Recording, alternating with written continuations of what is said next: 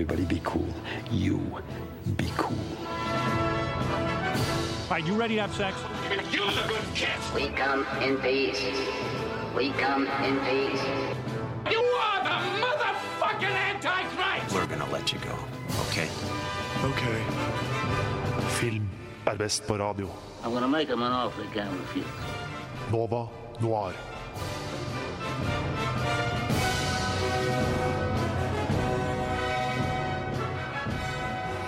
God morgen til deg som lytter på akkurat nå. Eh, god ettermiddag, eller god kveld, eller god natt hvis du hører på podkast. Uansett hvor du er eh, eller når du er, ønsker jeg deg en riktig god eh, tid. Eh, Julie Oskar Andersen, god morgen. God morgen. Ja, for oss er det jo morgen. Ja, for oss er det jo morgen her inne i studio. God morgen, Ludvig Viltil. God morgen. God morgen. Og god morgen, tekniker Ulrikke Svenne. God morgen. God morgen, god morgen. God morgen, alle sammen. Og nå er det sånn deilig eh, bakgrunnsmusikk som er lagt inn eh, her nå. Det var jo en litt eh, dramatisk start da i morges. Vi hadde jo ikke kaffe. Vi hadde ikke kaffe! Men nå Men senker nå er ting bra. Julie reddet oss med kaffe. og, og vi har deilig musikk. Og grunnen til at vi har denne musikken i bakgrunnen, er fordi den er med i soundtracket til filmen Marie Antoinette Å ja. av Sofia Coppola. Og hvorfor har vi det, Julie? Hvorfor det? Hvorfor det? Vi skal altså ha temasending i dag Tema. om Sofia Coppola. Nei. Sofia. Så det er grunnen til det. Vi eh, Denne sangen er eh, også sampla i Kanye West sin sang 'Blame Game' fra albumet My Beautiful Dark Twisted Fantasy'. Og informasjonen bare strømmer på. Dette er en informasjonstung eh, morgen. Jeg lurer på, Ludvig, hva er ditt forhold til Sofia Coppola? Jeg er veldig glad i filmene hennes, men jeg har veldig mange meninger om dem. Fordi hun lager jo ganske spesielle filmer. Mm. Ganske egenartede. øh, Og det er veldig mye der jeg liker, og det er noe der jeg ikke liker så godt. Men jeg håper gjennom sendingen at øh, kanskje jeg finner ut litt mer om meg selv og hva jeg syns om filmene. Ja. For jeg har liksom ikke pratet øh, høyt om dem med andre så mye før. Åh, Det blir dritspennende. Hva med deg, Julie? Jeg hadde så å si null forhold til henne før vi fant ut at vi skulle ha Sofia Coppola-sending. Så jeg syns det var en veldig fin anledning til å jeg vet ikke, bli kjent med Sofia, da.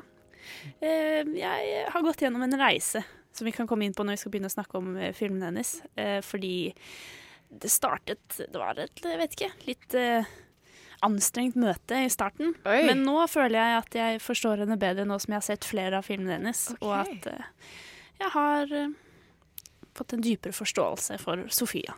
Veldig kult. uh, jeg personlig elsker. Eh, så jeg tenker vi Men jeg skal snakke mer om det senere. Og vi kommer til å finne ut av dette sammen, dere. Det blir veldig fint. Uh, vi får et lite avbrekk midt i hvor vi skal, uh, der vi skal uh, anmelde et par filmer. The Post og Black Panther. Det er jo ikke det eneste vi skal, Miriam. Det er jo ikke det eneste vi skal. Det. Nei. Vi har også en liten surprise litt utover i sending. Stay tuned for den. Ja, det blir gøy. Det blir gøy. Uh, nå skal vi fra soundtracket til Lost in Translation få høre Patti Smith sin cover av When Doves Cry.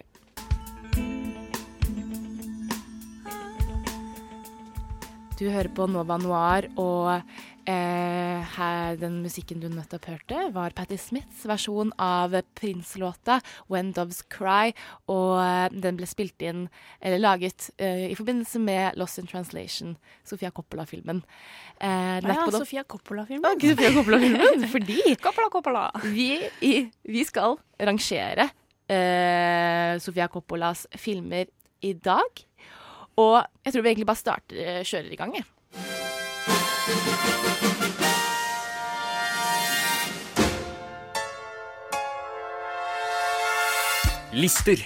Det er den dårligste filmen i hele filmens historie. Rangering. Du er den dårligste filmen i hele historien. Jeg skal gi deg dårlig, jeg. Topp ti. Fight Club, hallo. Topp fem. Keanu Reeves er jo best. Ikke mene det. Æsj. Nova Noir. rangerer.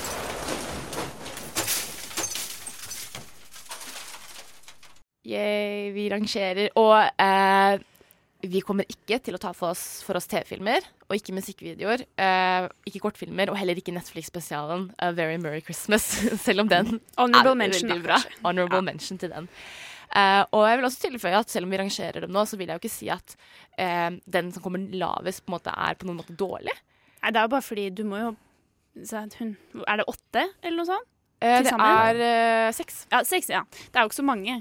Så at du sånn, Du er fortsatt bra selv om du er på sjetteplass. Ja, og det at hun egentlig ikke har noen filmer som jeg tenker på som dårlig, spesifikt. Det er jo- en veldig vanskelig regissør å rangere filmene til. Det er det. Ja.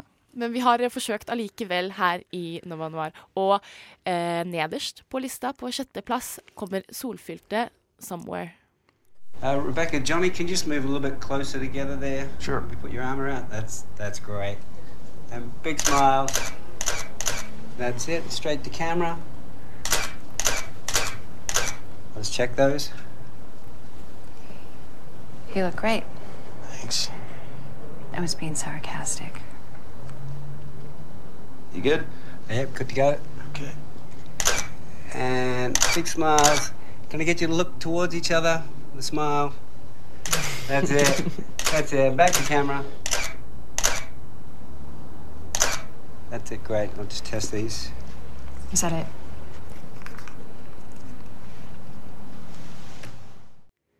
Ludvig, hva handler 'Somewhere' om? Så 'Somewhere' handler om eh, Johnny, eh, som var en veldig ek ekstremt klein fotoshoot i lydklippet her.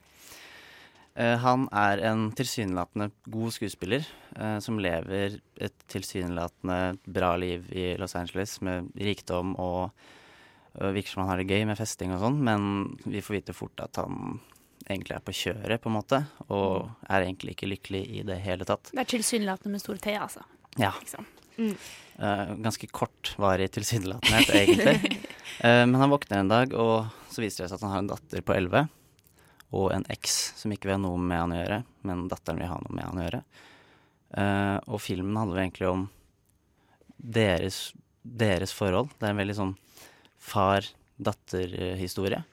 Eh, og hvordan hun påvirker livet hans til det bedre, da. Ja, for hun, Han har ikke hatt noen spesiell kontakt med henne Nei. egentlig, pga. at han har levd et mer sånn kjendisliv. Visste han at hun fantes, eller var det hun dukker opp i døra og sier 'hei, pappa'? Nei, nei, hun, han, visste det. Okay. Så det var sånn at hun kom og møtte Eller og hun, hun, har ja. eh, alltid visst det, og hun har alltid vært engasjert i å møte han. Ja. Det er ikke sånn kleint møte på starten. Nei. Skjønner. OK. Det kommer ganske naturlig for begge å prate med hverandre, egentlig. ja. Bare at han er kanskje litt mer skamfull, og der, Ja. derav litt mer tilbakeholden. Ja. Men definitivt syns jeg at det er forholdet mellom dem og kjemien mellom de to som spiller de to karakterene, eh, gjør at filmen er veldig, veldig bra, da. Det er i hvert fall noe av det jeg ser på som veldig bra. Det er det beste, fordi eh, det er på en måte to historier. Det er hans liksom eh, eh, Hva kan man kalle det? På kjøret Hollywood-liv. Mm. Som jeg har sett ganske mange ganger før, eller i hvert fall gjort bedre før. Ja. Uh, men, uh, men sånn når det kommer til den litt mer spesifikke far-datter-kjemien, så er det noe av det bedre jeg har sett. For jeg har ikke sett så mange filmer som tar for seg akkurat det, egentlig. Nei. Eller den dynamikken mellom de to. Det er oftere far og sønn, får jeg inntrykk av. Ja, Ja, eller, eller mor og datter. Eller mor og datter, men far og datter, det er fint å få, da. Det er vel Elle Fanning som spiller datteren. Mm. Mm. Og hun er helt sykt flink.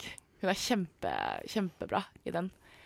Eh, og jeg liker veldig godt det derre solfylte California som en kontrast til liksom veldig sånn Ja. nedstemt.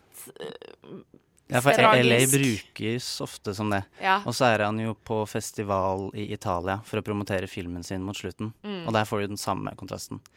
Hvor han liksom bor på et sånt kjempefint hotell og, og er på, på Rivieraen, tror jeg, eller noe sånt nå.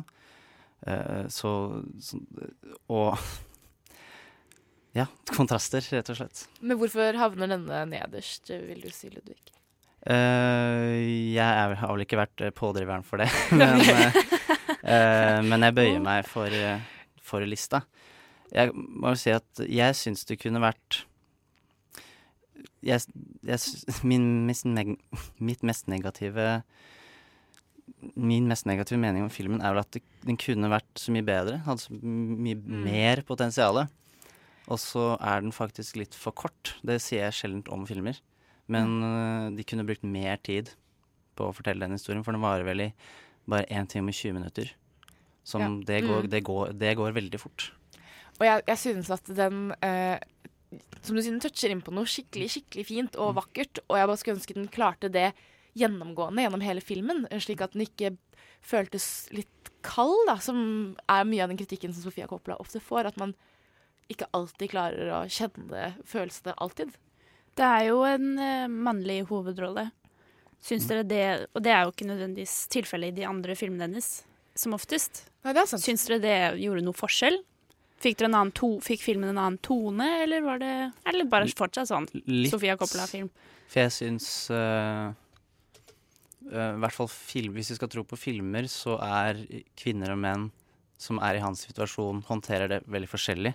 Det å være på kjøret og være deprimert og Ja. egentlig være ensom i en stor mengde mennesker. Uh, og jeg vet ikke Menn føler jeg kanskje syns litt mer synd på seg selv på filmer. Det er i hvert fall mitt inntrykk. Jeg vet ikke.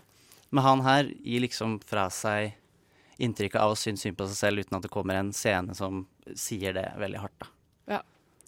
Jeg er enig. Men den har definitivt uh, fine ting, og jeg, jeg anbefaler alle å se den. Jeg, jeg tenker at den, Selv om den kommer på nederst, så er den god. Den er, I hvert fall hvis du har eh, familieforhold, hvis du kan relatere til den vanskelige familieforhold-type tingen. da. Uh, vi skal videre. Uh, etter en liten sang så skal vi fortsette å rangere. Men før det så får du, går vi hele veien fra LA til Island. Og vi skal høre Nei takk av gruppa GKR. Fersk fra Radio Novas A-liste fikk du islandske Nei takk av GKR. Eh, skikkelig spenstig. Kult når du kan digge til en sang eh, selv om du bare skjønner ordene nei takk. Sykt kult at de rapper på islandsk. Det er dritkult. Eh, men vi er her i Nova Noir, og vi går tilbake til rangeringen av Sofia Coppolas filmer. Og på femteplassen har vi The Bling Ring. Julie, hva Bling er det? Ring. Ok, ok. Uh, The Bling Ring er altså en gjeng ungdommer som søker berømmelse og rikdom. Og um, sosiale medier, jetset-livet, da. Og så starter de, starter de med å bryte seg inn i kjendisenes hjem i Hollywood. Police are investigating the connection of the Hollywood Hills burglaries. America has this sick fascination with a Bonnie and Clyde kind of thing. It all comes back to like bad choices. Who you have as your friend. Can't take her dog. But he likes me. I'm a firm believer in karma, and I think this situation is a huge learning lesson for me to grow and expand as a spiritual human being. I want to lead a country one day, for all I know. Vi hørte der, Sist var jo altså Emma Watson, som eh, var amerikaner, men eh, ja. Vel. Et eller annet. Jeg husker Da jeg så The Bling Ring første gang, jeg tror det var da den kom på kino, så Eller første gang, eneste gang òg, for så vidt. Men eh, så syns jeg den var litt jeg, jeg tror ikke jeg forsto den helt slik det var meningen at Sofia hun lagde den åpenbart med en baktanke som jeg ikke skjønte da jeg så den på kino sist. Men nå Mm. som jeg har sett flere av hennes filmer, så føler jeg at nå, har jeg, nå kan jeg på en måte se The Bling Ring på en ny måte. da. Mm. Og gi den litt mer creds enn det jeg gjorde da. For det er bare sånn Herregud, så teit. Ah, men det var liksom hele poenget, da. ikke sant? At noe så overfladisk Det skulle jo bare representere de overfladiske karakterene som har null empati for noen og bare Ja, fordi tror du det at formen her skal uh, gjenspeile tematikken? Fordi det føles jo veldig overfladisk når man ser den, selv som, som en film. Ja. Jeg, Jeg har litt tett nese, så det er sånn noen ganger så bare Ja, jeg. Men det er jo basert på en eh, ekte historie, og jeg tror hun gjorde en god jobb ved å putte karakterene i et kritisk lys ved å lage en film som gjør dem så Eller fremstiller dem så usympatiske. Og så, sånn. Du hører jo i klippet at en av dem vurderer å ta hunden til en Ja, kjendis. Så du kan ikke stjele kjæledyr! Sånn. Hvor kjip er du da? Hvor blottet for empati er du? Og du får jo bare flere og flere mer og mer innblikk i livene deres, og de lever jo ikke tøffe, vanskelige liv, og de har null Nei, nei. grunn til å opp, opptre som drittunger. De bare er drittunger. Fordi det er en greie jeg eh, ofte ikke liker Eller som blir en sånn litt kjedelig gjenganger i Sofia Coppola-filmer, er at hun ofte, ofte lager filmer om mennesker som egentlig, eller burde leve bra liv. Altså de er økonomisk oppegående. De har alt på egentlig- Ja, det er veldig middelklasse eller overklasse i filmene hennes. Ja. Og det er ikke nødvendigvis en dårlig ting, men her syns jeg det merkes veldig godt. Ja. Og jeg liker jo ikke disse eh, personene på no, noe som helst plan, nesten.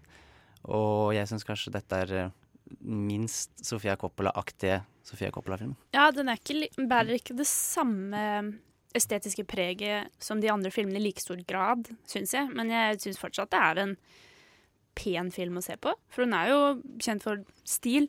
Og i hvert fall de scenene om natten når de løper rundt og du ser alle de vakre lysene i bakgrunnen, og hvordan den kjedelige hverdagen blir satt i kontrast til den spennende kvelden hvor de endelig kan gå og rane litt og leke og være late som de er rike kjendiser for i noen timer, da. Og jeg synes sånn, Det er veldig mange scener som er veldig vakkert plassert, bare sånn cinematografisk. Eh, sånn som den eh, hvor man bare ser de skal rane huset til Jeg husker ikke hva hun heter, hun er litt mindre kjent kjendis. Eh, og så ser man bare fra utsiden hele scenen av at de går inn i huset, og man ser de bare som sånn omriss pga. lyset inne i huset. Og så ser man liksom alt de gjør, at de går inn og ut av rom, men man ser det bare helt utenfra midt på natta. Husker du den? Ja, jeg fikk litt assosiasjon til kul. sånn dukkehus Ja. og Barbie-dukker. Eller sånn at du leker med dukker inni huset, og så går man fra det ene rommet til det andre. Og det er litt som om Det gjenspeiler jo kanskje hvordan de later som de er kjendiser. Ja. Eller de blir jo kjendiser. På vondt, for dette eksploderer jo, og det er jo Kommer jo i mediet, og de blir jo stilt for retten til slutt. Vi kan jo, det har jo skjedd på ekte, Ja, ja. Em, så vi kan jo kanskje si det. Eh, så jeg syns den scenen var kjempepen, og hele huset, eller fasaden er jo av glass. Mm, så det er ingen, ingen vegger. Så du får helt innsyn, og så står kameraet helt stille. Og jeg, jeg er personlig ganske fan av det, når man har veldig lange takes. Ja, enig. Og så ehm, Det eneste problemet jeg hadde med den, var at jeg, jeg så den jo nylig. For jeg hadde liksom kviet meg litt for å se den, fordi jeg har hørt så mange blandede tilbakemeldinger på den. Uh, men jeg, jeg, jeg ville så gjerne at det skulle være en satire på den måten som f.eks. Spring Breakers var en satire. Fordi den var så utrolig gjennomsyret. Det var ikke noe tvil. Liksom. Det her er satirisk. Men i denne filmen, hvis vet du ikke hvem Coppola er, så tror jeg du veldig fort kan tenke at det her er bare en overfladisk drittfilm. Ja, at det er ikke like tydelig. Ja, for du nevnte Spring Breakers. Mm. Eh, Det den filmen hadde som i, eh, den her ikke har, er eh, en sånn uh, James Franco-figur som er sånn opplagt. Ja, det er Fordi det! det er når han kommer i Spring Break at du skjønner Å ja, OK. Det, er, Det må være Ja, en det- satire. I hvert fall når han synger den derre Han synger en Britney Spears-sang sånn akustisk Ja. på piano, og det er bare sånn Å ja, dette er en satire. Uh, og man får ikke det øyeblikket, som du sier, Ja. i Bling Ring. Men det skjedde jo på ekte, da. Det var jo ekte mennesker. Så Ja, det er sant. det er jo sånn, ja, du kan jo eh, satirisere det, kan man si det. Ja. Men Ja, man når det skjer på ekte, og mennesker i virkeligheten er så overfladiske drittunger som de var det er jo, Du er, må være ganske arrogant for én, bryte deg inn og stjele masse dritt. To, poste det på Facebook og være sånn Se på all cashen jeg har. Se på alle smykkene og designerskoene mine, liksom. Hvor dum er du ikke da? At det er dumme tenåringer som ikke Det er ikke en plan bak det. Det er bare Den, shits den tilhører den derre sosiale mediefilmsjangeren, nesten. Unge mennesker på sosiale Ja. medier. ja. Uh, en, ja, en ja. film som gjør det bedre, vil jeg si. Ja. Men Bling Ring er gøy hvis du vil se uh, Emma Watson prøve å snakke amerikansk og være skikkelig obnoxious. Hun er helt jævlig, liksom. Uh, vi skal snart videre i rangeringen vår. Vi er nå på femteplass. Gikk til The Bling Ring. Og fra filmens soundtrack får du nå låta som handler om merkeklær, passende nok. Her er Gucci Bag av Reba Bajer.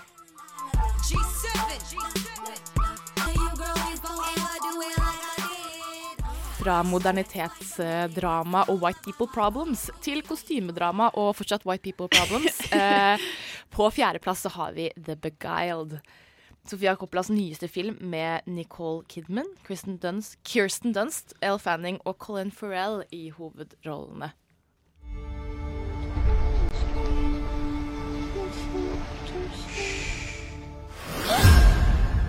Miss Martha! Miss Martha! Is he dead? No, get him inside. Quick! You're a most unwelcome visitor. And we do not propose to entertain you. You'll find them easily amused. You won't be here long enough for that. How did you end up in this place? Why are you so interested in me? I admire your strength. I'm just trying to give them what they need to survive in these times.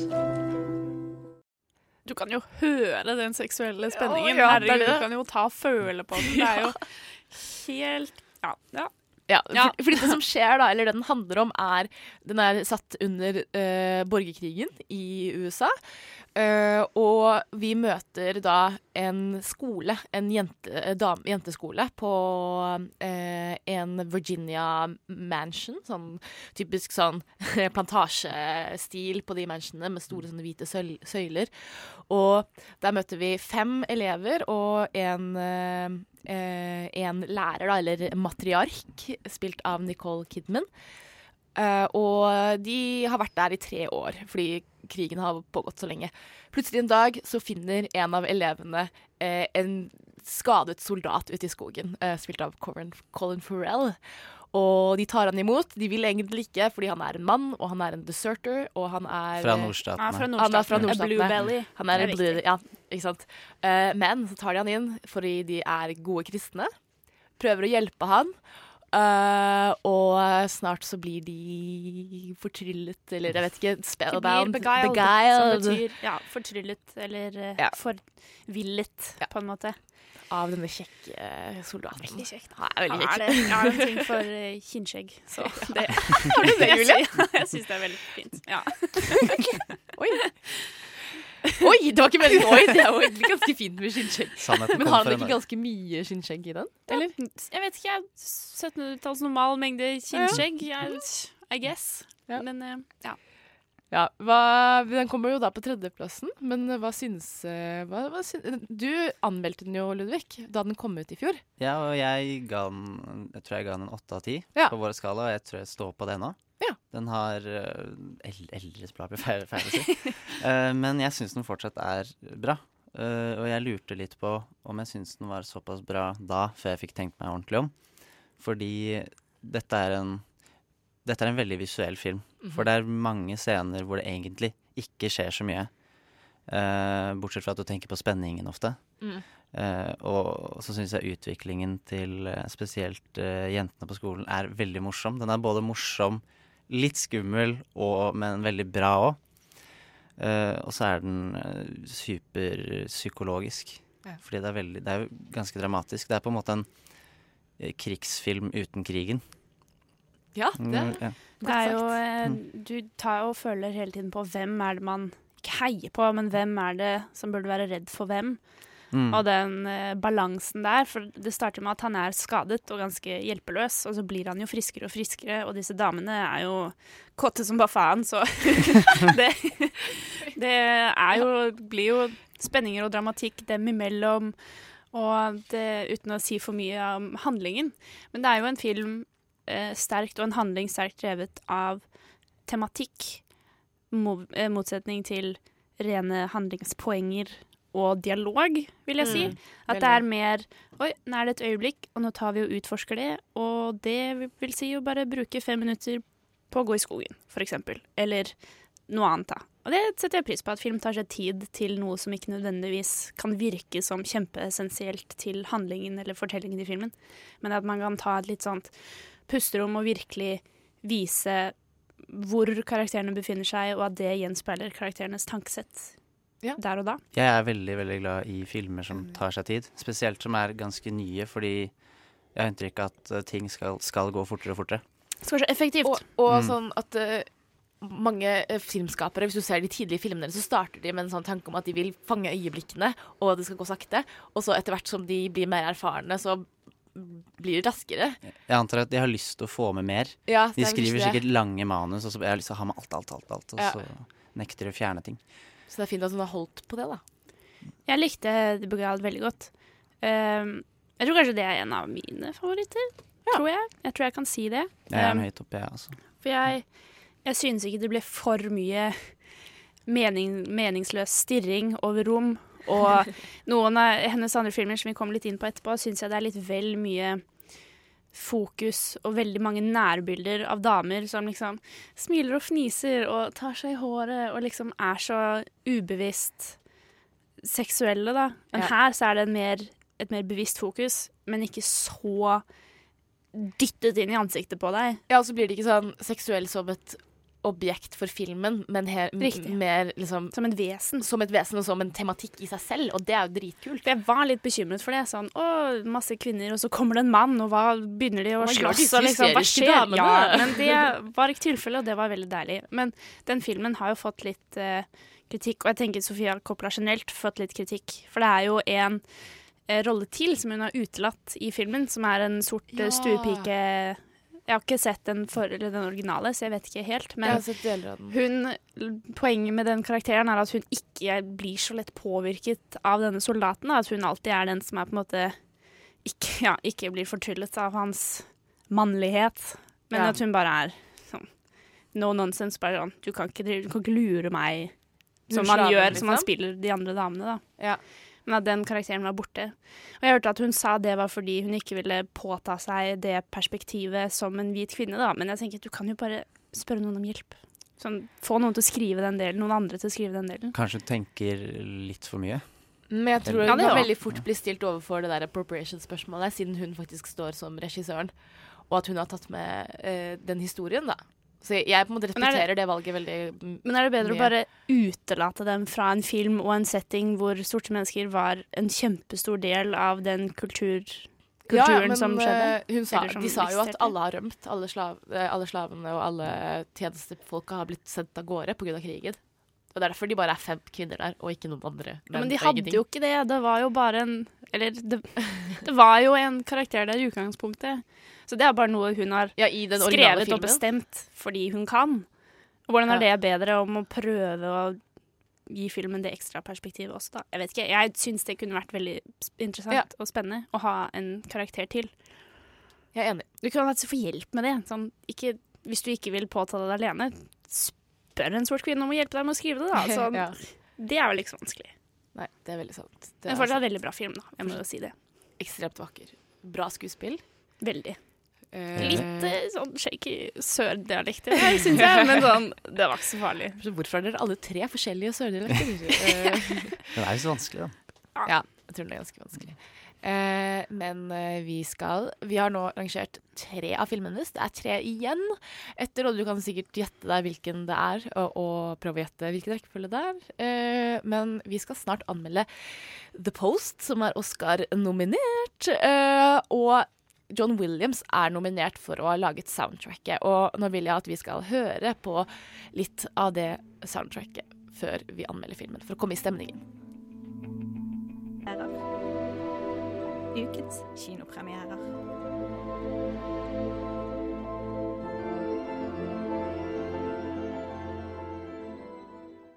Julie, hva Miriam. du har sett film? Jeg har sett eh, The Post. hva handler den om? Det handler altså om um, Catherine Kay og Ben Bradley, som er sjefene for The Washington Post, om å ta en vanskelig avgjørelse.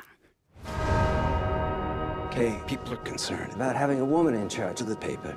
That she doesn't have the resolve to make the tough choices. Thank you, Arthur, for your frankness. Let's do our jobs. Find those pages.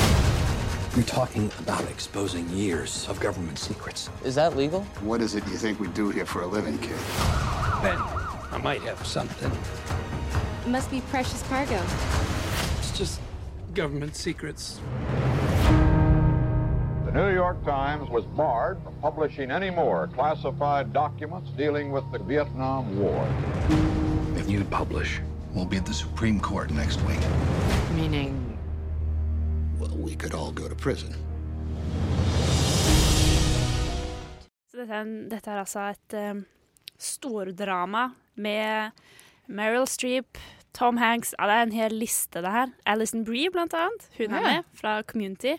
Bob Ob Oberkirk fra Be- Better Call Saul.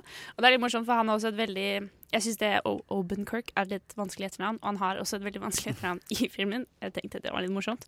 Og så er det Zack Woods, som er med fra The Office, David Cross fra Arrested Development, og Bradford Nei, Jo, Bradford Whitford. Nei, Bradley Whitford, fra, som er faren i Get Out. Ja. Så det her er altså en um, rollebesetning med stor tyngde. Jeg mener Meryl Streep har jo for nå fått sin 21. Oscar-nominasjon. Så det blir kanskje hennes fjerde Oscar. Det hadde jo vært fett, da. Det hadde vært kult. Uh, men OK, fordi jeg har bare skjønt at jeg visste at den handlet om liksom, The Post, eh, The Washington Post. Men Ja. hva, er det, hva er det den saken de driver og prøver å Saken like her er altså under Vietnamkrigen på 70-tallet, og de får tilgang på en rapport eh, som er bestilt av eh, staten, eller eh, eh, Secretary of Foreign Affairs eller noe sånt Ja. har bestilt den, eh, som man skulle se på i etterkant, men den blir altså lekket. Og New York Times poster det først. Men de får en Eller de blir saksøkt av staten, eller stilt til retten, da, og får forbud om å publisere noe mer. Så får da Washington Post tak i disse papirene, og står da overfor dilemmaet skal vi publisere, skal vi ikke publisere. Og dette er, det er en historie om det, men jeg syns traileren ikke klarte å vise at det er like så mye en historie om um, Catherine Kay, altså Meryl Streeps karakter, for hun er eieren av hele avisen og havnet i den posisjonen ikke rent tilfeldig, men eh, mannen hennes var sjefen originalt, men han tok selvmord da hun var 45. Og nå er hun godt voksen, da. Så hun har vært sjef for den avisen ganske lenge. Men hun får jo ikke anerkjennelse for noen ting, for hun er jo bare en dame. Ikke sant? Ikke sant. Men det handler så like mye om hennes transformasjon, da. For det er hennes avgjørelse. Det er, det er hun som har alt å tape. Ja. Alle hennes ansatte ville jo fått en ny jobb. Alle Nei, alle eh, editørene Hva er det på Ja, norsk? eh, Alle redigere- redaktørene. Ja, der. Redaktørene. Eh, som eh, Ben Bradley, da, spilt av Tom Hanks, vil jo bare få et bedre rykte av å liksom trumfe gjennom og si ja, ytringsfriheten er viktig, sant? men det Ja. handler om mer enn det, da. Om kjønnsroller eller kjønnsbegrensninger, kanskje. Riktig. Spennende. Eh, og dette er jo også basert på en sann historie, da. Ja. Og den er nominert i ganske mange kategorier. Den er jo det. Eh, blant annet beste film, beste kvinnelige hovedrolle, beste mannlige hovedrolle. Tom Hanks? Eller? Nei, jeg tror ikke det. Nei, ikke Tom Hanks. Men også, som vi nevnte i stad, eh, soundtrack. Hva Og regi? Hvem er det som regisserer den? Det er Steven Spielberg. Steven Spielberg. Og jeg tror det var veldig lurt at Steven Spielberg regisserte denne filmen. Han er jo en eh, pioner i filmverdenen og kan det å lage godt film, så når, du nevnte, eller når vi nevnte dette i sted, om å være effektiv og at ting skal gå litt fort, så er det tilfellet i den filmen her. Mm. Og alle scenene har et poeng, og det har et klart budskap, og det skal, du skal forstå et eller annet med det du ser, da. Eh, og enten om det er karakterene, eller handlingen, eller det politiske klimaet, eller Ja, det får han til veldig bra. Vil du si at den kanskje er litt for polert som en type hold- Oscar-film, da, i Ja, den er veldig blankpolert, og dette er eh, Oscar-bait til de grader. Så den kan kanskje kritiseres for å være litt overdådig og selvhøytidelig, men i hvert fall i nåtidens politiske klima, med Trump som president og fake news og sånn, så tror jeg det er mange som kommer til å elske denne filmen, og hvordan pressen står opp mot presidenter og sier Ja. fuck you og liksom bevarer folkets stemme, da. For det er jo det det handler om, Ja. sant? Så jeg tror det De kommer til å gjøre det Jeg vet ikke om de vinner Best Picture, men det hadde ikke overrasket meg om den vant Best Picture, kun fordi den er så riktig i det politiske klimaet vi Blir, befinner blir oss i. litt Da. for riktig, kanskje? Ja, det er et godt tidspunkt å lage en sånn film. Ja, det er det. Har du Det sett det. eh, Spotlight? Jeg så Spotlight. Ja, fordi det er det litt samme tematikken. Tror du kanskje den ikke vinner fordi at Spotlight vant for et par år siden? Spotlight handler jo om å avsløre prester som tok på barn i Boston. Ja. For det er et veldig eh, integrert katolsk eh, system. Ja. Og dette er jo, handler jo om å avsløre USAs regjering. Så jeg vil si det er liksom hakket okay. større enn det igjen. da. Og det er noe som slo meg veldig, var både set-design og hvordan de fikk det til å se ut som 70-tallet uten å liksom, jeg vet ikke, dytte slengbukser opp i ansiktet på deg og sånne store barter og sånn. Det var veldig Det så veldig flott ut. Og lysdesign, lyssettingen, var også veldig virkningsfull. Mm. Og noen scener var jo mer hva skal jeg si, ikoniske enn andre. Typ scenen i retten og et par andre scener hvor lyset er veldig dramatisk, og det er veldig stor skyggekontrast, blant annet, som ga det nesten en følelse av å være et skuespill. Eh, men det var ganske virkningsfullt, for det var på en måte dette er det filmen handler om. Det er her liksom, kampen er, da. Og det var eh, det, det var veldig spennende. Jeg satt virkelig og tenkte over Oi, det var bra lyssetting, liksom. Wow. kult. Hvis det hadde vært en Oscar-kategori, så hadde de vunnet for den, tenkte jeg. Men uh, karaktermessig, hvis du skal samle dette, alt dette du har sagt nå inn i en karakter fra én til ti Jeg tror at en del i vår generasjon kanskje ikke vil synes den er så spennende. Men igjen så betyr jo ikke det at det er en dårlig film. Og den er jo tross alt nominert til en Oscar. Og jeg satt og koste meg nok. Så jeg vil faktisk lande på en åtte av ti. Åtte av ti til The Post. I hvert fall noe av foreldrene deres ville sette pris på. Det er jeg helt sikker på.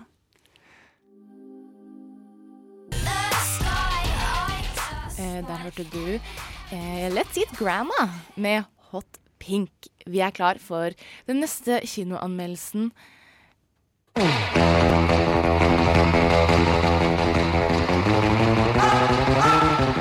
Nova Noir presenterer ukens kinopremierer.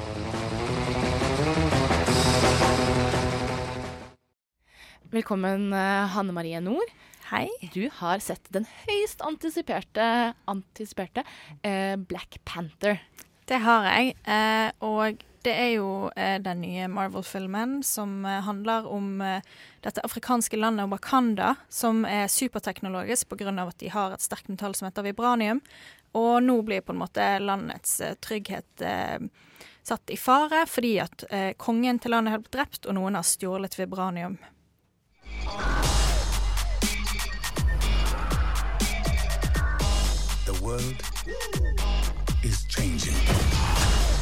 Soon there will only be the conquered and the conquerors. Step into the spotlight. You are a good man Step into the spotlight. with a good heart. And it's hard for a good man to be a king.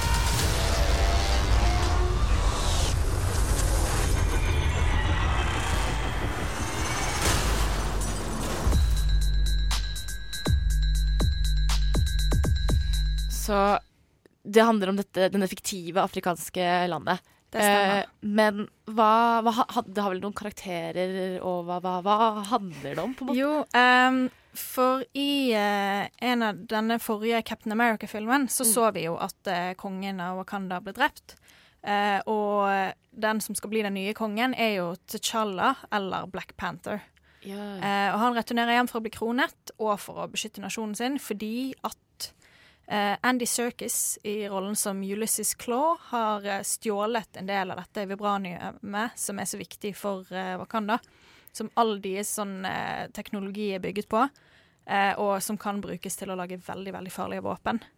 Så det er Black Panther skal redde, Redde dagen. redde, redde landet? Ja. Eh, Og verden, eller? Ja, landet og på en måte verden av disse våpnene. da. Eh, og så dukker det jo også opp en annen eh, skurkekarakter som heter Eric Killmonger, som er spilt av Michael B. Jordan. Kjent fra blant annet uh, Chronicle. Eller den derre oh, ja. den, eh, Eller den derre The Wire. Han er med i mye. Ja, i The Wire. Og den derre uh, oh, hva heter den derre brytefilmen? Eller slåssfilmen? Rocky Wrestler? Ja, Creed? det ikke med Er det den? Creed. Creed, Ja, for det er samme Ja, regissør. Ah, det det? det er han Ryan Coogler heter han Ah. regissøren av Black Panther og Creed. Eh, ja, og han eh, viste seg også å være en veldig stor trussel til kongedømmet. Jeg skal ikke røpe for mye, men han har et motiv som er ganske troverdig, og som blir en slags kritikk mot USA og egentlig verdenshistorien. Sånn rasistisk eh, slavehandel, alt dette. Syns du at denne filmen klarer å skille seg ut blant liksom massen av Marvel actionfilmer med vittige one-liners, på en måte? Ja, på mange måter. Det er jo litt fordi at det, på mange måter er det jo en viktigere tematikk her. det er jo et annet element av Det er ikke noen sånne her eh, eldgamle nazimonstre som skal komme og liksom nynazifisere verden og sånt, som det har vært en del av. Som er som. Ja, som stoler litt mye av. Så jeg syns det var veldig forfriskende at det var en skurk som du på en måte kan Du kan forstå han. Andy Serkis eller Michael B. Jordan? Eller begge? Um, uh, I hovedsak uh, Michael B. Jordan, altså Killmonger, som han da heter. Uh, men uansett så er det jo ikke bare Black Panther som skal slåss mot disse skurkene. Det er også noen skikkelig gode kvinnekarakterer med her. Oh, kult. Eh, Nakia, spilt av Lupita Nyong'o, eh, er spion og Black Panther sin eks. Eh, så det er jo et subplot med litt romantikk her, men likevel så har hun sine egne meninger, tar sine egne valg som ikke er avhengig av han, og er bare skikkelig kapabel. Det samme er Okoye, eh, som er Wakandas dyktigste kriger, spilt av Danai Gurira. Eh, hun har en av de kuleste scenene i filmen. Oi. Altså skikkelig fett. Og så er det Shuri, eh, spilt av Letitia Wright. Hun er teknologiekspert, eh, Black Panther sin søster. Og altså, hun får Tony Stark til å se ut som et lite barn. Kanskje på tide. Med sine oppfinnelser. Og det er bare Det er skikkelig fint, altså.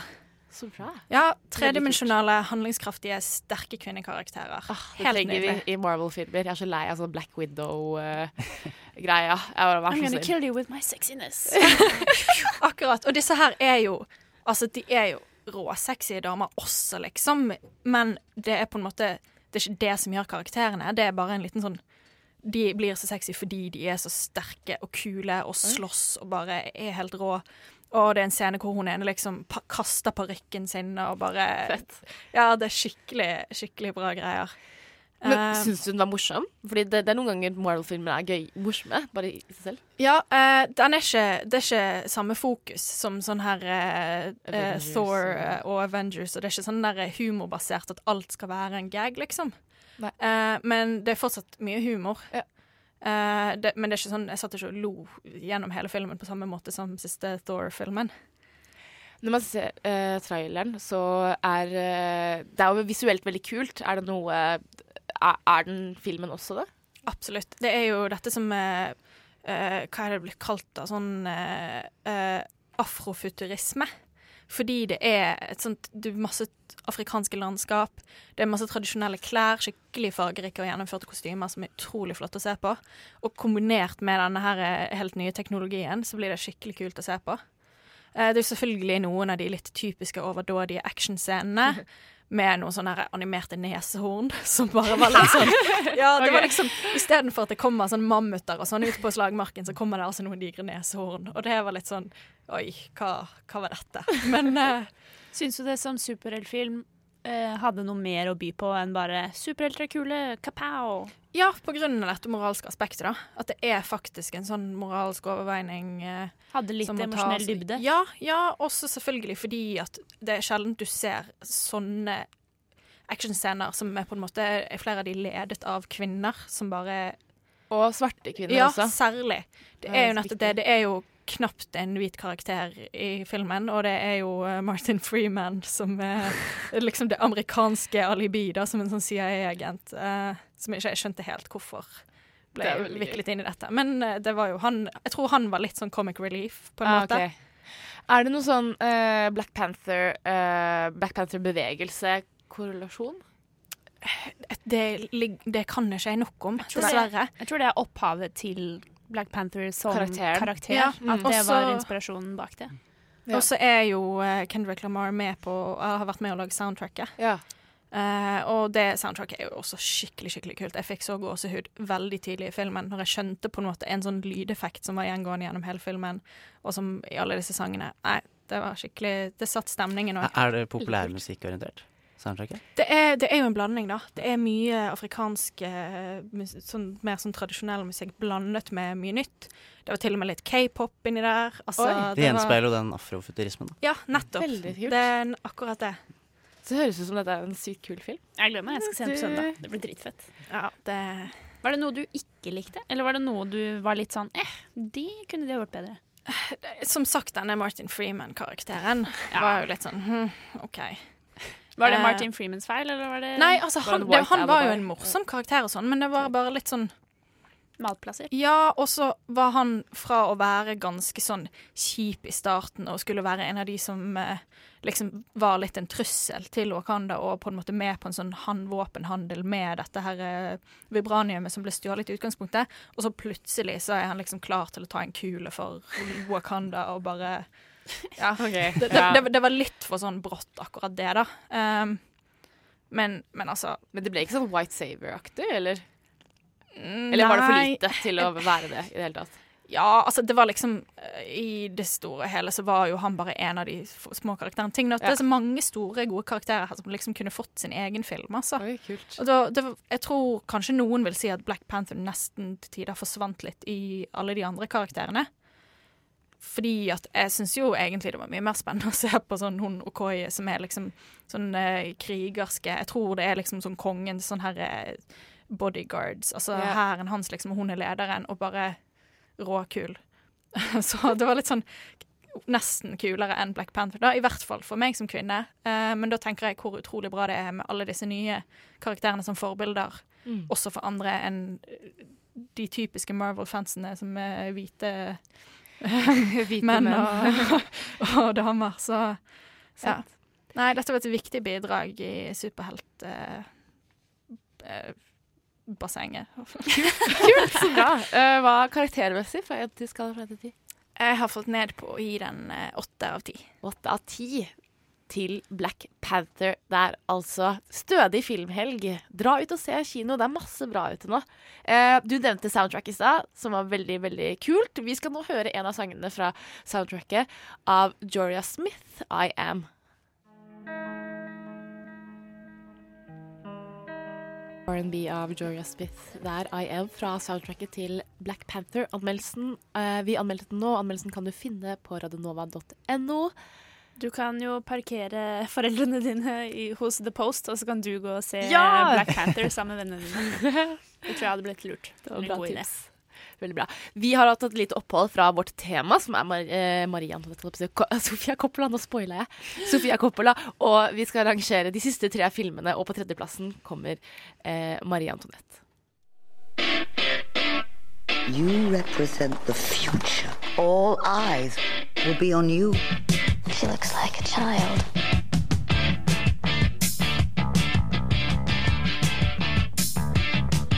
So, I've heard you make keys as a hobby.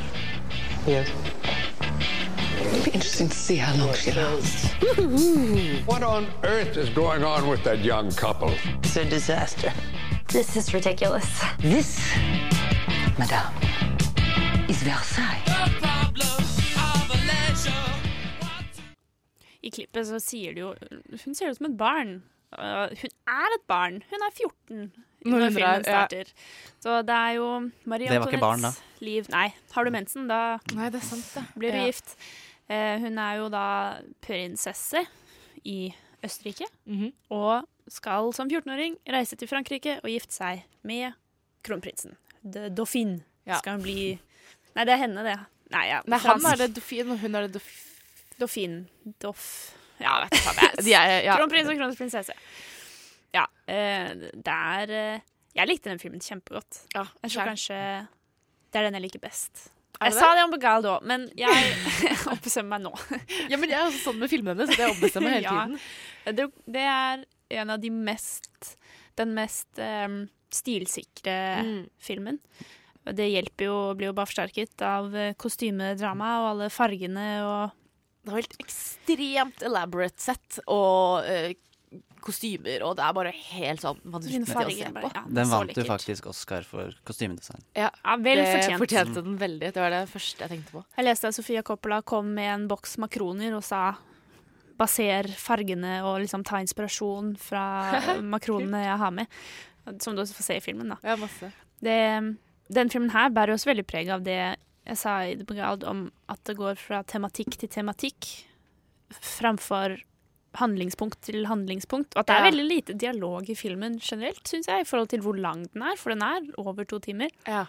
Ja, de snakker Eh, veldig lite, De snakker altså. veldig lite. Kristen Dunst har veldig få eh, replikker. Men eh, når det er sagt, så spiller hun fortsatt veldig bra. Ja, helt enig. Nå er det litt en stund siden jeg så den her. Det er vel den det er lengst siden jeg har sett. Men jeg husker at eh, eh, den prøver liksom å være litt morsom her og der. Ja, ja. Og jeg, ja, og jeg følte litt her og der at det trengte den ikke. At den liksom ikke visste hvor den var noen ganger. Ok. Men nå snakker jeg av minnet her, da. Jeg syns det i så fall ville bare reflektert Marie Antoinettes personlighet.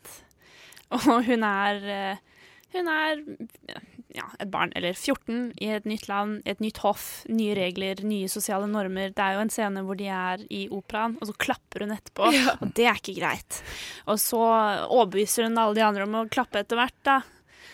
Og så er hun bare den veldig sånn søte eh, Veldig modig. Hun er kjempemodig og veldig, veldig bare naiv og ignorant. Og det syns jeg de får frem på en veldig sånn fin måte at i hvert fall det perspektivet da, om at hun var bare 14 år, og hun kunne ikke noe om politikk. Selvfølgelig ikke, hun var en prinsesse. Hun, hun brydde seg ikke så veldig mye, og hun tenkte bare ja, få ha det fint. Men ingen spurte henne heller, sant? Nei. Og hennes jobb var jo å produsere en arving. Og de første fire årene i ekteskapet så vil jo Jeg vet ikke om det er sant, eller om de tok seg litt historiske frihet, men kong Louis, eller prins Louis, vil jo ikke ta på henne omtrent. Han er jo, han er jo kjempesky og Jeg tror det faktisk er historisk. Jason Bateman? Nei. Swartzman. Swartzman. der har vi det. Han er kjempesøt. Og jeg fikk så følelse for han. Han var Ja, han liksom så sky og blyg og bare helt sånn Turte ikke. Og hun jobber så hardt for at han bare skal ta på henne, da, ikke sant. Og hun får brev fra moren sin, og det er så stort press. Eh, apropos, du snakket om historisk riktig her og sånn. Uh, litt fun fact om filmen er at uh, de fikk uh, omtrent usensurert tilgang til å filme på Versailles fordi de overbeviste de som har ansvar for Versailles om at manus var bra nok, og at det var riktig nok. Så de måtte, det er derfor det er jobbet så ekstra for kostymene og Å, fy fader, så kult. det er At de fikk helt filme det. Det viser jo at, at crewet, alle som har jobba med dette, har tatt det seriøst. Da. Men det jeg også liker veldig godt, er at selv om den prøver å være veldig sann til historien, eh, så bruker den sånn visuelt og filmatisk veldig mange anakronism, anakra, anakronismer, som betyr at man tar historiske ting som ikke passer inn i den tidsæraen, og setter det inn der. Som for eksempel de spiller poker. Jeg vet ikke om det er historisk riktig. Eller de har i hvert fall sånne veldig sånne rare kjettunger som jeg bare Jeg- aldri har sett før. Jeg tror ikke i hvert fall et fransk hoff da ville spilt Nei, poker. Og det kan, jeg vet at de gamblet før i tiden, og sånn, men det var bare sånn, det så ut som nådagens poker. Og det var sånn scener hvor de bare Du merker vel at dette her er ikke riktig. Sånn som for eksempel når de spiller kortskalle. De har på en fest som Det var spiller gøy. kortskalle, så er det sånn Du er Mozart. Og Det var bare veldig sånn, morsomt. Det, dritgøy, og det ville du ikke spilt da. Med Tom Hardy. Han er, han er med rundt bordet der. Han er kjempeung. Det er Dritgøy. å se på. Og uh, Christian Grey eh, fra Fifty Shades of Grey, jeg husker ikke hva han heter. Men han spiller jo elskeren til Marie Antoinette. Ja, Kid der, liksom. Han er så Han er så søt. Vel, jeg Denne bærer også preg av det vi snakket om i The Bling Ring, at det er en litt overfladisk film som skal gjenspeile en overfladisk karakter. Men jeg syns Marie Antoinette gjør det mye bedre Mm. enn i The Bling Ring. Enig. Og hun ble jo et symbol på den franske overklassen og hatet og frivoløse og alt det, men det er jo ikke hennes feil når hun er 14 år, blir puttet i et nytt hoff og blir omringet av så mye rykter og får tilgang på så mye penger. Så hva skal du bruke Men tiden din på, da? Det er, det er derfor den filmen her fungerer bedre enn Bling Ring. For de har, de, de har tatt den mest overfladiske, overdådige settingen som kanskje finnes. Så Herregud. Og så har de bare gjort De parykkene de har på, Mm. det er helt sykt. Ja. Og så så, så, så Du føler så veldig med henne, da. Når hun får de brevene av moren sin, og du har disse scenene hvor du bare ser hun bare står der og er sånn Hva skal jeg gjøre? Hun føler seg helt fanget. Hun er helt alene i rammen i et kjempestort rom, og du kan nesten ta på alt det presset som blir Mm. lagt på hennes skuldre, fordi nå må du få mannen din til å ligge med deg. Og jeg blir sånn Hvordan skal du Det går jo ikke, det er jo ikke hennes feil. Og så alle sier at det er hennes feil fordi ja, endeløse grunner og rykter, og det er helt Hvorfor er det ingen som skylder på fuckings Paul Louis, som sitter der og bare vil gå ut og jakte og er en idiot? Eller han er jo, Det er jo synd på han også, men hvorfor skylder de bare på henne, og ikke litt på han Riktig. òg?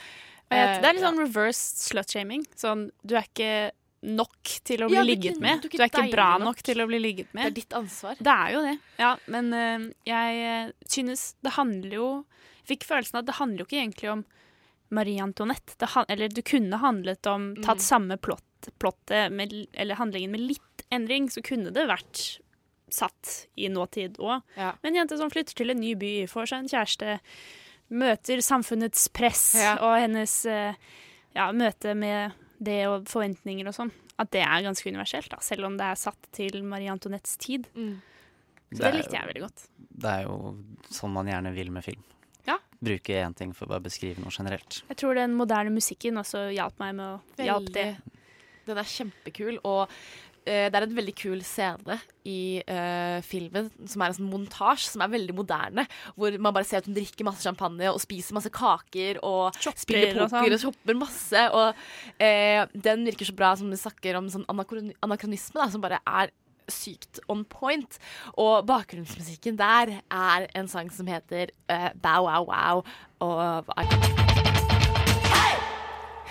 Bow Wow der med I Want Candy fra soundtracket til Marie Antoinette, som fikk tredjeplassen i vår rangering av Sofia Coppola-filmer. Vel fortjent. Vel fortjent. Og vi er nå på andreplassen. Det er bare to filmer igjen. Og Hva kommer, hva kommer? Hva kommer, hva kommer? Trommevirvel. Ludvig. Virgin Suicide. Yay! Det er da debutfilmen til uh, Sofia Coppola. Eh, også med Chris, eh, Kirsten Dunst i hovedrollene. Jeg digger Kirsten Dunst. Hun er så flink. Eh, hvorfor, får denne, hvorfor får denne så høy eh, kåring? Eller er du enig, Julie? Jeg er ikke egentlig det. Jeg var ikke så fan av Virgin Suicides. Litt fordi det var et veldig klart Det er jo um, OK, det handler jo om eh, en eh, gjeng søstre, fem søstre, som bor i en ganske religiøs eh, familie. Og det handler om gutt, naboguttenes fantasier om disse jentene, da, fordi de er så sugd babes og eh, litt sånn skjermet fra omverdenen. Og jeg var etter en Tine, så er jeg ganske lei av tenåringsgutter som sitter og ser på Kirsten Dunst liksom leke med håret sitt litt sånn fraværende, og det blir fremstilt som bare som en sykt seksuell ting, og jeg ble veldig lei av det. Men jeg skjønner jeg skjønner liksom Jeg skjønner greia til filmen. Men det bare Jeg syns ikke det var så spennende. interessant. For nå, nå, i 2018, som jeg så den, for jeg så den ikke tidligere, så følte jeg at hvor spennende er det å kommentere på at damer blir seksualisert av menn? Kan du ikke bare lage en film hvor de bare ikke blir seksualisert av menn istedenfor? Okay, ja, Litt det perspektivet hadde jeg da. Men jeg skjønner greia av at de blir fremstilt sånn fordi ingen blir egentlig kjent med de karakterene, selv om det er de filmen bruker mest tid på.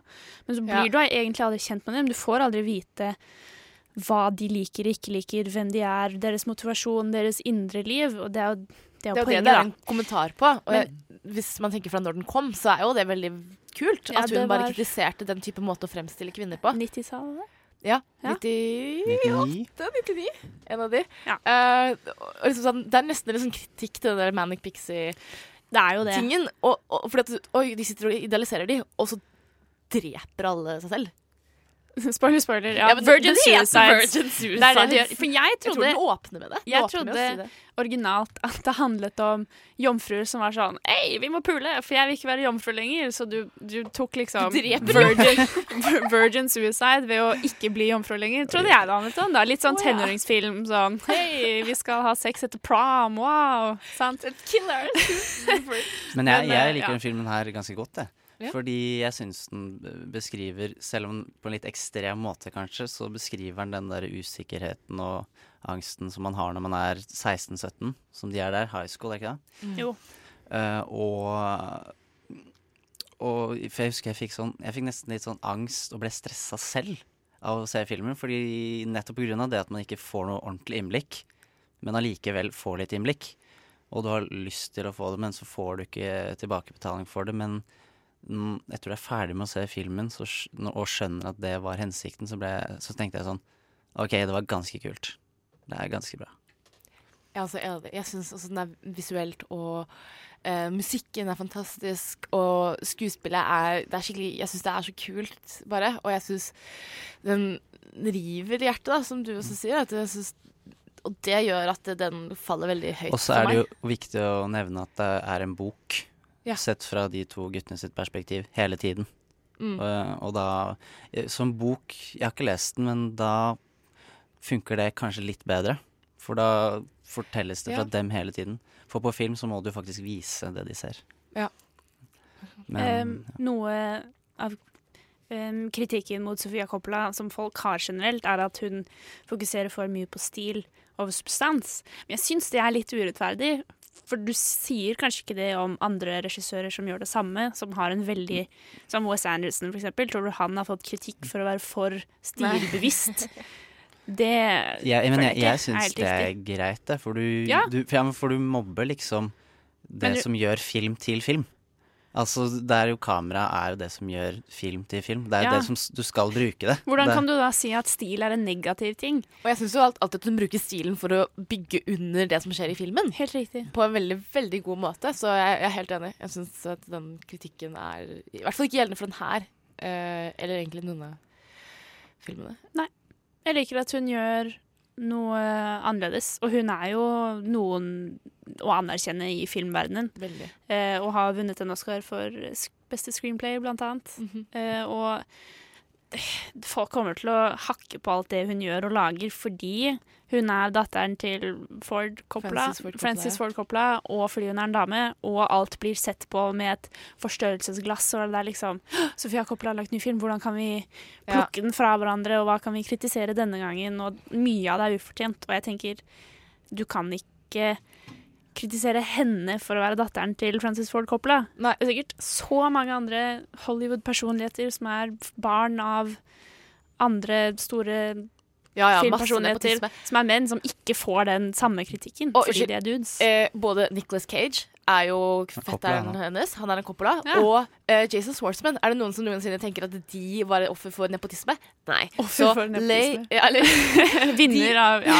de, ja, jeg mener, de blir jo ikke offer for den der nepotismestempelet. Sånn, du fortjener ikke å være her, fordi du er jo bare nivåen til Francis Ford Coppola. Men hun blir det.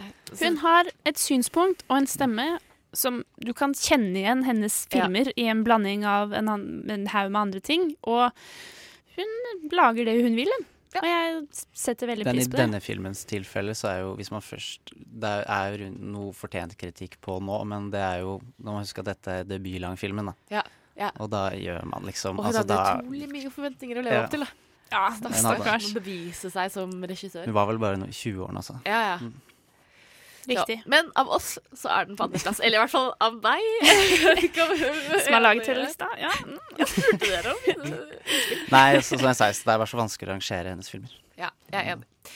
Men uh, jeg har snakket litt om soundtrack i stad. Nå skal vi høre fra soundtracket deres, som er laget av Air, bandet. Uh, og her er Playground uh, Love. Playground Love fikk du der på Radio Nova, Nova Noir. Eh, vi eh, eh, Vi går videre i sendingen.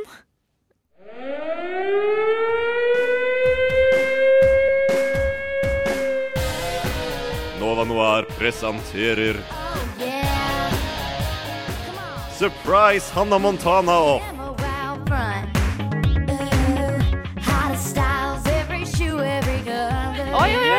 wow. Det stemmer, dere. Vi har en Hannah Montana, og vi har en liten beef her i Radio Nova, vil jeg si. Og vi har fått besøk i studio av Ingrid Reisa. Hallo, hallo. Fra Skumma kultur, fordi jeg hørte nemlig på programmet deres i forrige uke, og der du proklamerte deg selv som Hannah Montana-fan nummer én. Ja, eh, det er jo meg.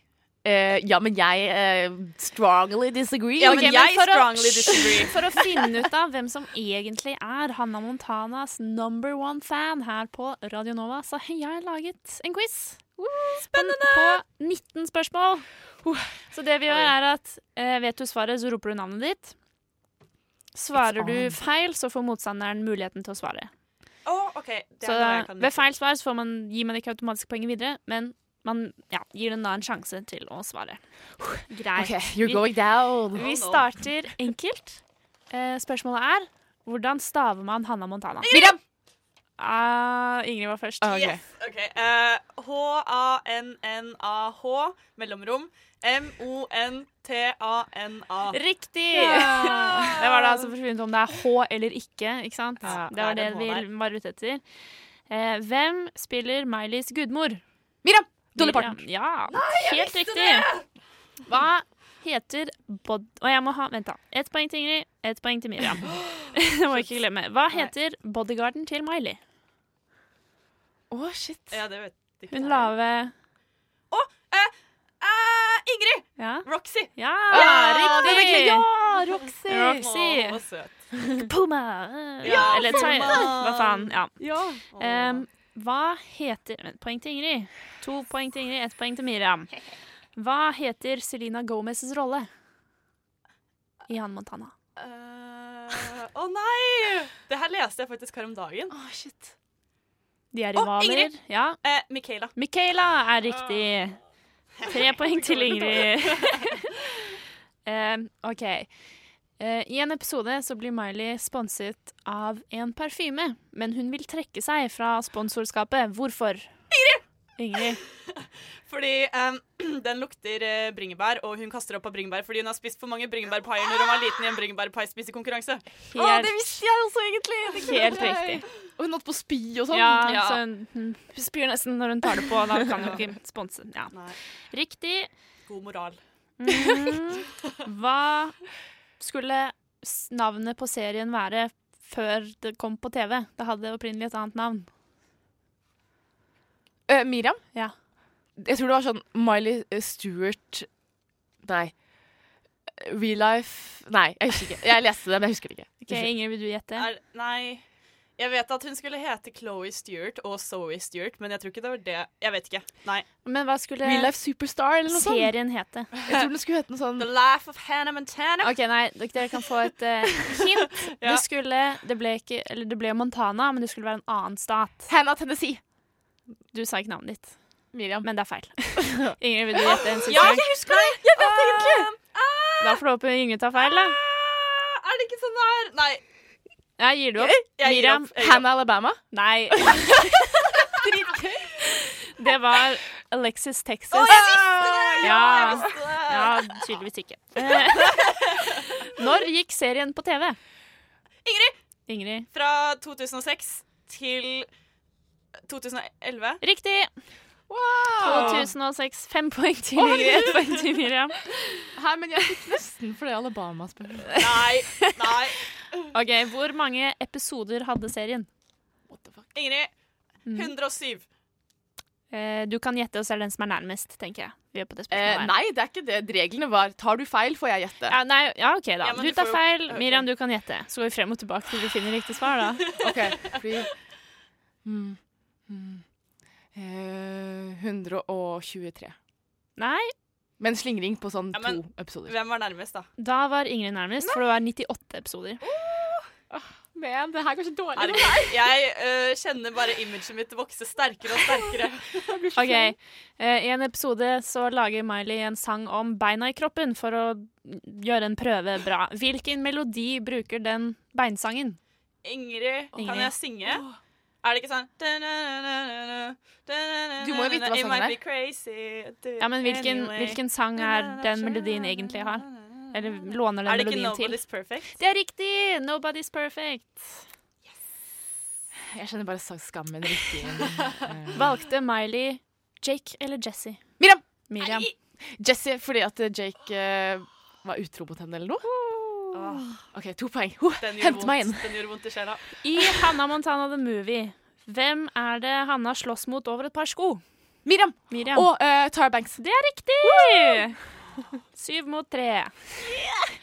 Men det går bra. Bra, det er flere spørsmål. Uh, hvilket år kom Hannah Montana, Hanna Montana The Movie Ingrid. ut? Ingrid. 2012. 2012. Feil. Uh, 2010? Feil. 2013. 2009! Miriam, 2009 er riktig. Ah, den kom ut før serien var slutt. Ja, fordi at de hadde noen det. eh, sesonger etterpå. Eller én. eller to. OK, fullfør teksten. Nobody's perfect, I gotta work it again and again. Ingrid. Blank. Miriam. Ja, Ingrid. Till I get it right. Riktig! Bare sånn. OK, fullfør teksten. You get the limo out front. Blank. Miriam! Every shoe, every color. Miriam var først. Hot Styles? Hæ? Nei, poeng Nei, for det. Vent, da. Hæ? OK. Ja. Ja. Hottest styles. Horror Styles? Hottest styles. Ja, hot hot styles. styles. Det, nei, det får du poeng for. Takk. Fem, åtte. Å, shit. Du tar innpå. Eh, hva heter den slemme kusinen til Miley? Ingrid. Ingrid. Luan? Luan er riktig. Det er riktig. Og nå må jeg klare alle, hvis ikke så taper jeg. Ja. Hva er den mest populære sangen til Hanne Montana? Miriam. Miriam. Best of both worlds. Nei. Ingrid! Ingrid. Nobody's perfect. Riktig! Oh, Nobody's perfect. Nei! Er det ikke The Climb? Ja, men det er jo Miley Cyrus. Men det er jo Hanne Montana. Montana. Jo, det er Hanne Montana The Movie. Ja vel. Internett sa at det var Nobody's perfect. Internett har alltid rett. Riktig. Vel. Vel. OK, to spørsmål igjen. Ja. Under en live performance, i serien altså, ikke på ekte, så glemmer Miley teksten. Miriam. Hvilken sang var det hun glemte? Miriam, eh, National Anthem, eller altså Star Spangled Riktig! Banner. Ja. Imponerende. ja, men det er fordi at hun får så sykt mye hate. Det er det verste man kan gjøre i hele USA. Hun ble hata. Ja. OK, siste spørsmål. Hva heter navnet på Ricos badstueselskap? Eller saunaselskap? Å ja. Åh, fuck det. Jeg sier pass på denne. Ja, du har jo ikke så mye å ta på da. Du har jo ti poeng. Vinner jeg hvis jeg klarer denne? Vinner jeg hvis jeg klarer denne? Nei! sånn all... Nei, nei, nei, nei, nei, nei, nei. Ok, Jeg tror det var sånn Rico's Tavern eller et eller annet sånn greie. Det skal ikke være badstueselskap som avgjør. Står opp, da. Nei, det gjør nok ikke det. Men uh, du Nei, kan redde verdigheten din da, hvis du klarer det. Jeg tror, jeg tror det er noe sånn uh, Rico de Sana, so, uh, Havana, Suana Jeg Jeg gjetter uh, badstueselskapet til Rico. OK, dere tar begge feil. Det er altså Senor Steam det het. Et godt navn. Oh, ja, et er godt navn. Senor Steam. Og med det så tror jeg vi kåret Novas number one Hanna Montana-fan. Ingrid. Det er Ingrid med fire poeng. Ledelse over Miriam. Men jeg må si, du holdt deg godt, da. Jeg gjorde faktisk bedre enn jeg trodde, Ja, det er bra. eh, egentlig. Eller sånn, nei, egentlig ikke. Jeg ville jo vinne, men det var vanskelige spørsmål. Det var veldig bra quiz. Ja, dere var jo selvproklamerte number one-fans. Da må du jo gjøre det litt vanskelig. Jeg vil takke mamma og alle som trodde på meg, og alle som sa det var greit at jeg kunne høre på Hannah Montana. Det var mange som sa 'Ingrid, skru av den dritten', men jeg sa nei. Og de som ble der ved min side, de eh, dere, dere betyr mye. Dere vet hvem dere er. Ja, gratulerer. Takk. Godt jobba. Ja, takk. Veldig bra. Tusen takk for at du kom for å ha denne showdownen. Showdown throwdown, som vi tenkte å kalle det. Uh, vi uh, må videre sa til sang. Tusen takk til Ingrid fra Skumma kultur. Vi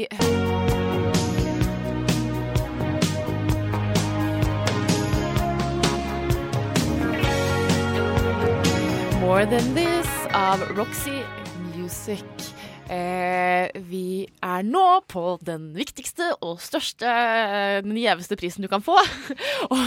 Å være på nummer én av din egen liste. Nei, vet du hva. Det, det er ikke mye pris. Og jeg tror alle er ganske enige. Eller er vi enige her? Men eh, det får du vite etter at jeg har sagt hva den heter. Det er Lost, Lost in Translation. Ja. Og vi, eh, jeg da i mine unge dager her på Nova, lagde jeg en profil av Sofia Coppola som egentlig mest var en eh, eh, eh, honorar, holdt jeg på å si, til Lost in Translation. Så jeg tror vi bare hører det nå, jeg. Does it get easier? No. Yes. It gets easier. Oh, yeah? Look at you. Thanks. the more you know who you are and what you want, the less you let things upset you. Ensomhet, eksistensialisme, fremmedgjørelse. Dette er de underliggende drivkreftene i filmene til Sofia Coppola. Hun er kanskje mest kjent for de kritikerroste filmene Lost in Translation og Somewhere, men lenge før hun en gang kunne tenke på tanken om å bli en filmskaper, ble hun dyttet inn i filmverdenen. Kanskje ikke så rart når din far er den anerkjente regissøren Francis Ford Coppola, skaperen av Gudfaren-trilogien. Det var i nettopp disse filmene hun fikk sin start innen film, der hun spilte i alle tre. Etter mye kritikk for hennes rolle som Mary Corleone i Gudfaren 3, sluttet hun sin skuespillerkarriere. Hun har uttrykt at selv om kritikken såret henne til dels, rystet den ikke særlig, da hun aldri hadde ambisjoner om å bli skuespiller. Hun gikk videre til å lage film. Regissørdebuten hennes kom med filmadaptasjonen Virgin Suicides. Filmen som skildrer fem jenters likegyldige ensomhet, høstet bra kritikk og ble på en måte hennes redemption. Hun gikk videre til å skape hennes kanskje mesterverk, Lost in Translation. How long you been married? Oh, thank you. Mm. Two years? 25 long ones. You're probably just uh, having a midlife crisis. Med Bill Murray og 17 år gamle Scarlett Johansson i spissen beskriver filmen fremmedfølelse i storbyen Tokyo. To mennesker finner trøst i hverandres ensomhet, noe som blir skildret gjennom sen klipperytme og sparsommelig dialog. What about marriage? Does that get easier?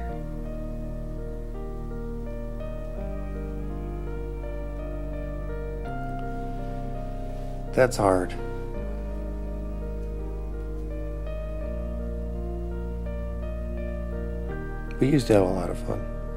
Den livlige byen skaper en sterk kontrast til de melankolske karakterene, noe som resulterer i en forsterket følelse av alienasjon. Coppolas fremragende innsats ga henne Oscar-nominasjoner for både manus og beste regissør.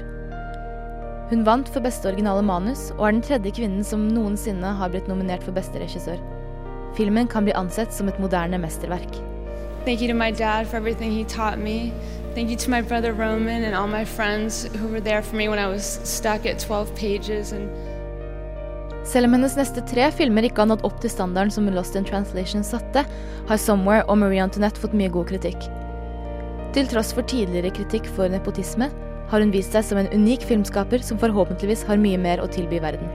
古い友達に会うように言ってくださいカサブランカのボギーのように君の瞳に乾杯サントリータイム Um, he wants you to turn, look in camera. Okay? That's all he said? Yes. Turn to camera. Nå er det skikkelig spenning her i studio. Fordi jeg har fått vite at Julia hater Lost in Translation. Og jeg kan ikke tro mine egne ører. Jeg kjenner sinnet bobler i meg. OK, ok, la meg bare si, da. Jeg syns fortsatt det var en bra film. Jeg bare Karakterene for meg var bare så Jeg kunne ikke identifisere meg med dem i det hele tatt. Men sånn sagt, fortsatt, jeg syns det er en bra film. Jeg bare er ikke enig i at den burde vært på topp.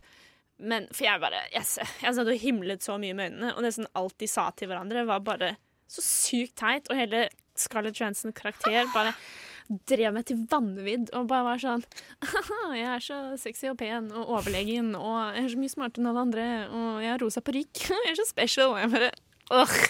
Nei takk. Jeg likte det ikke Poenget er jo at hun er jo ikke smartere enn alle de andre. Hun er jo bare dum og ung, og det føler hun skikkelig på.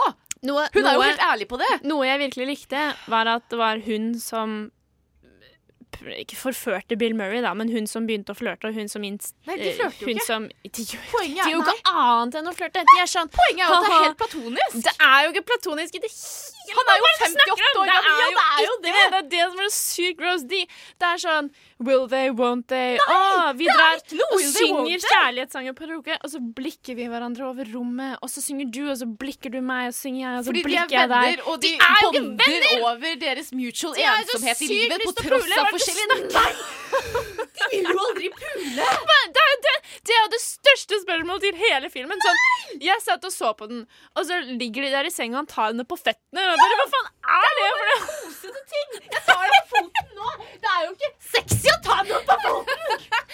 Det, er det noe jeg har lært av Pulp Fiction, er det at du skal ikke ta en annen manns kone på føttene. Sånn, Det er jo så Ja, seksuelt ladet.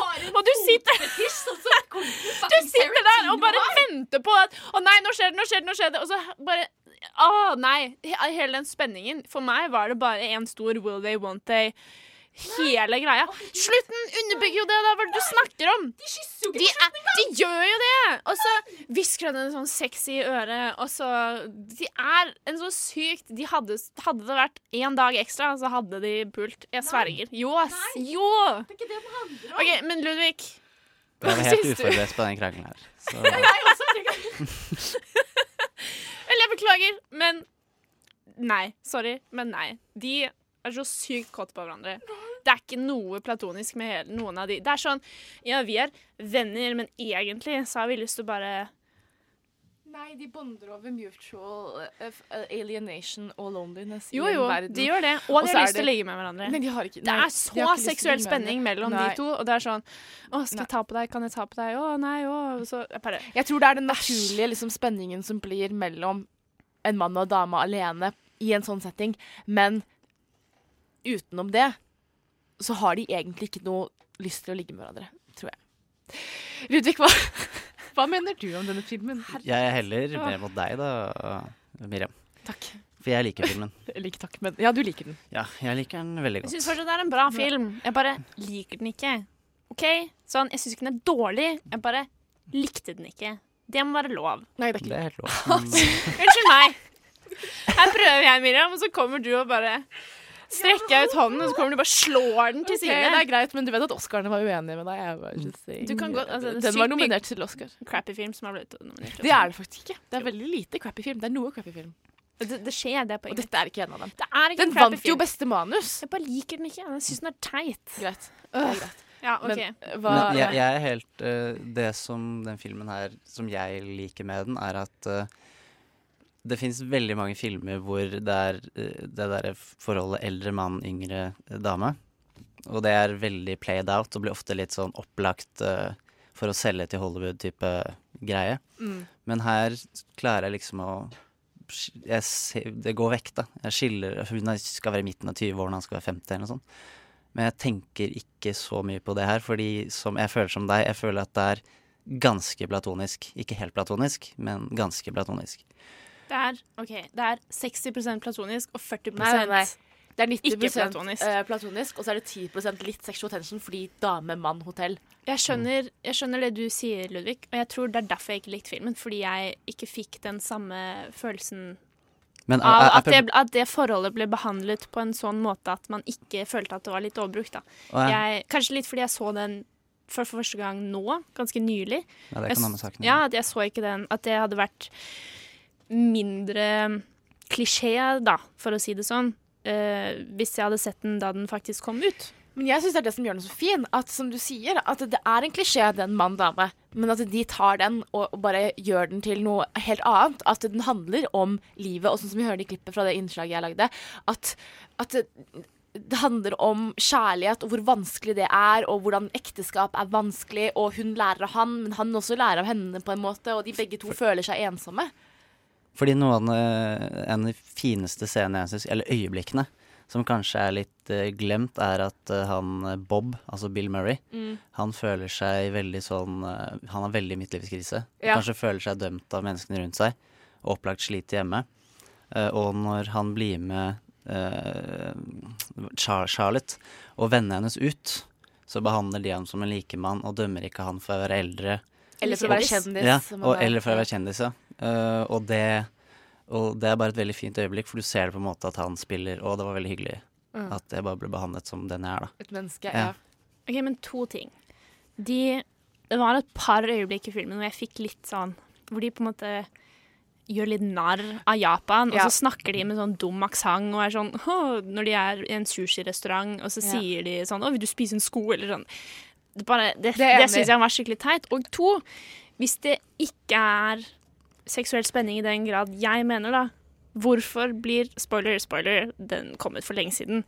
Hvorfor blir Charlotte sint da Bob lå med hun sangeren på hotellet, og så går de og spiser lunsj etterpå, og så sitter de på hver sin side av bordet og sier nesten ingenting til hverandre. Så det er jo åpenbart kanskje ikke en forventning, men et lite håp da, om at det ville skje noe. Det er det nok. Det er det nok absolutt. På en Sånn er- måte, men, men jeg hun hadde jo ja. ikke blitt sint. Jo, men har ikke hun- du noensinne blitt sint fordi at du, du er glad i og bryr deg om uh, ha sex med noen? Altså, Hvis jeg er sjalu føler- på dem fordi jeg vil ha sex med dem, sure. Nei, men, men, nei, men hvis du eksempel har en venninne, og så plutselig så blir hun venninnen venn med noen andre Altså, Det kan jo være litt sånn også. Det kan det, men det var om- ikke tonen jeg fikk i det hele Nei, tatt. ok, Men det varer jo ikke så lenge.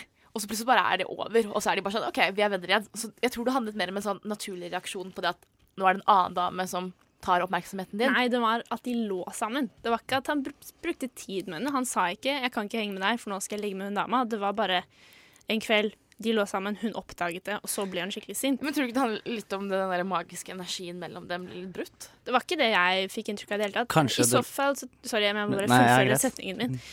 Uh, så følte jeg at det var eh, gjennom hele filmen at det bygget opp til at de kom til å ligge sammen, og så lå han med henne istedenfor.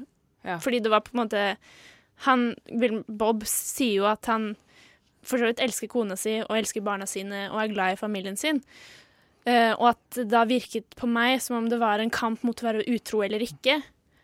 da med Charlotte. At det kom til å skje eller ikke. Og så skjedde det med noen andre, og da ble Charlotte såret og sint fordi det kanskje ikke var med henne. da. Det kan hende at det ligger litt mer ubevisst. Ja, det er Altså, mulig. En irrasjonell uh, ubevissthet hos Charlotte om at, det, om at hun ønsker at han skal eh, like henne.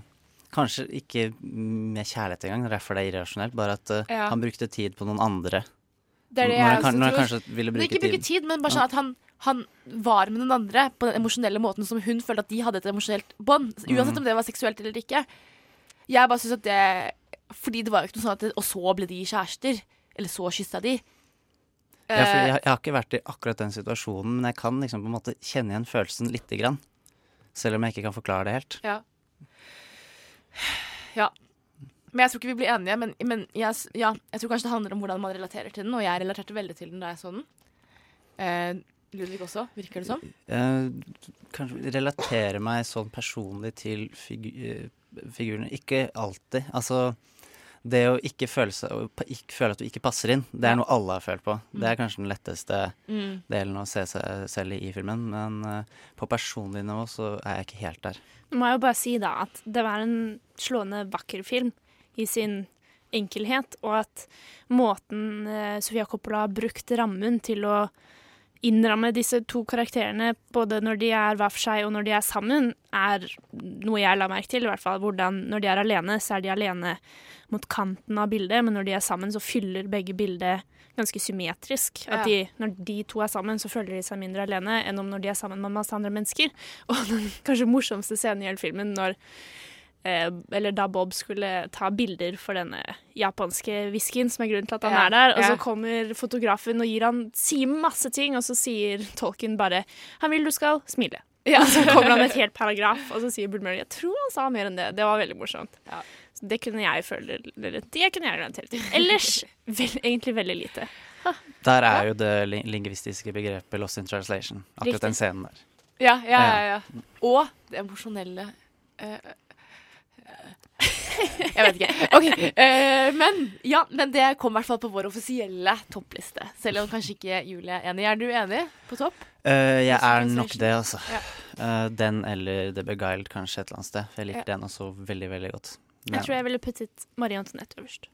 Kult. Det er meg, da. Men jeg valgte den offisielle listen, så da må vi stille oss bak den. det sånn. Ja, vi bøyer oss for, for Miriam. Den er grei. Men vi er mot veis ende. Og eh, vi må dessverre si ha det. Vi må nok det. Og eh, vi håper jo at Sofia Coppola kommer ut med masse mer eh, bra filmer. Ja, Ja, det. det gleder vi oss til å se. Jeg har fått en ny regissør jeg liker. Ja. ja det kan jeg si. Det er bra. Veldig bra. Vi har arrangert alle filmene i løpet av denne sendingen. Det er da 'Somewhere'. Eh, den solfylte California-filmen kom nederst på lista. Rett over der kom 'The Bling Ring', som er eh, den moderne eh, tullete filmen om Tenåringer. Om tenåringer som Ja. stjeler fra kjendiser. Ekte historie. Og uh, The Beguiled kom så over den på tre dårligste eller fjerde beste. Den nyeste filmen hennes. Eh, etter det kom Marie Antoinette, som er Julies favoritt. Eh, handler om livet til Marie Antoinette.